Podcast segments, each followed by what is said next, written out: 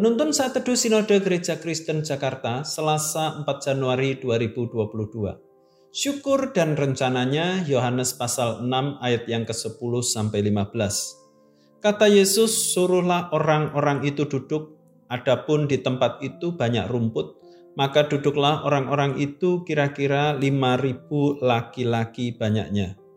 Lalu Yesus mengambil roti itu, mengucap syukur dan membagi-bagikannya kepada mereka yang duduk di situ. Demikian juga dibuatnya dengan ikan-ikan itu sebanyak yang mereka kehendaki. Dan setelah mereka kenyang, ia berkata kepada murid-muridnya, "Kumpulkanlah potongan-potongan yang lebih, supaya tidak ada yang terbuang."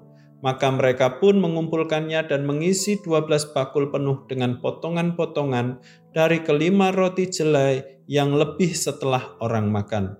Ketika orang-orang itu melihat mujizat yang telah diadakannya, mereka berkata, "Dia ini adalah benar-benar nabi yang akan datang ke dalam dunia."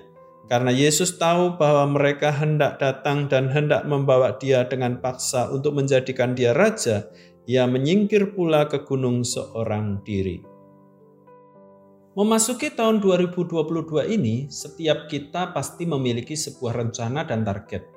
Target untuk pekerjaan yang lebih baik, target untuk keuangan diri sendiri dan keluarga, target untuk pendidikan, target untuk aset pribadi, dan lain sebagainya.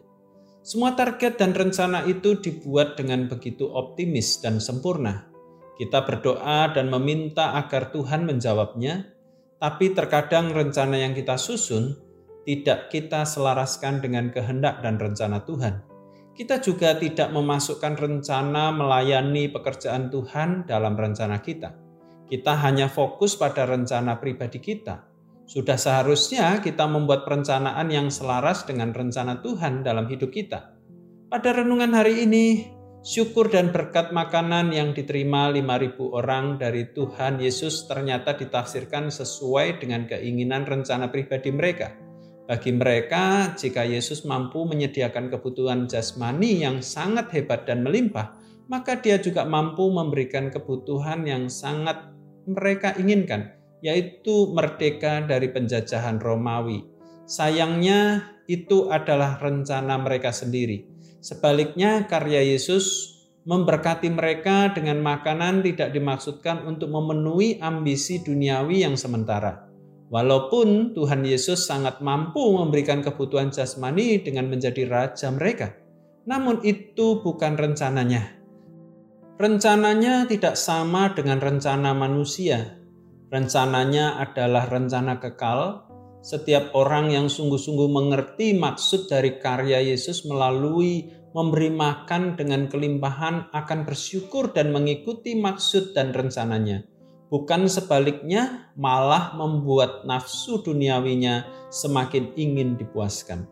Karena itulah Yesus menyingkir ketika mereka memaksa Yesus menjadi raja atas mereka.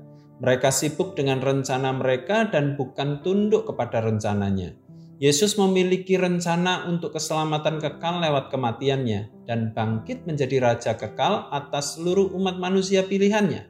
Dia menyingkir untuk menjauh dari ambisi dunia yang sementara dan sia-sia itu untuk mengerjakan kehendak Bapa yang kekal. Orang yang sungguh-sungguh menjadi muridnya akan menyerahkan dirinya untuk mengikuti rencana Tuhan. Walaupun tidak mendapatkan yang direncanakan olehnya, dia tidak akan merasa gagal. Dia akan tetap mengarahkan fokus rencananya selaras dengan rencana Tuhan.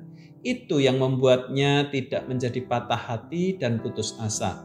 Sebab dia yakin akan rencana Tuhan yang selalu memakai hidupnya untuk memuliakan Tuhan, walaupun dia menghadapi berbagai kesulitan. Dia akan tetap melayani dan mengasihi Tuhan dalam situasi yang sulit sekalipun. Cara pandang inilah yang seharusnya ada dalam hidup kita.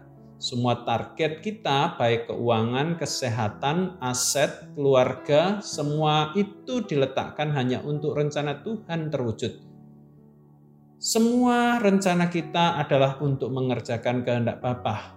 Karena itu, marilah kita berfokus pada rencana Allah, menyerahkan rencana kita kepadanya demi kemuliaannya dinyatakan.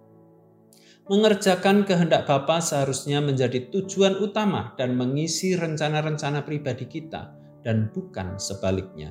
Tuhan Yesus memberkati.